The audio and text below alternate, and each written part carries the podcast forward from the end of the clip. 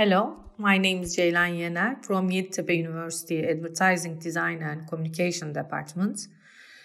ADV 271 course. In this lecture, we work on uh, mastering visual design applications of the advertisement production process during the stages of technical creation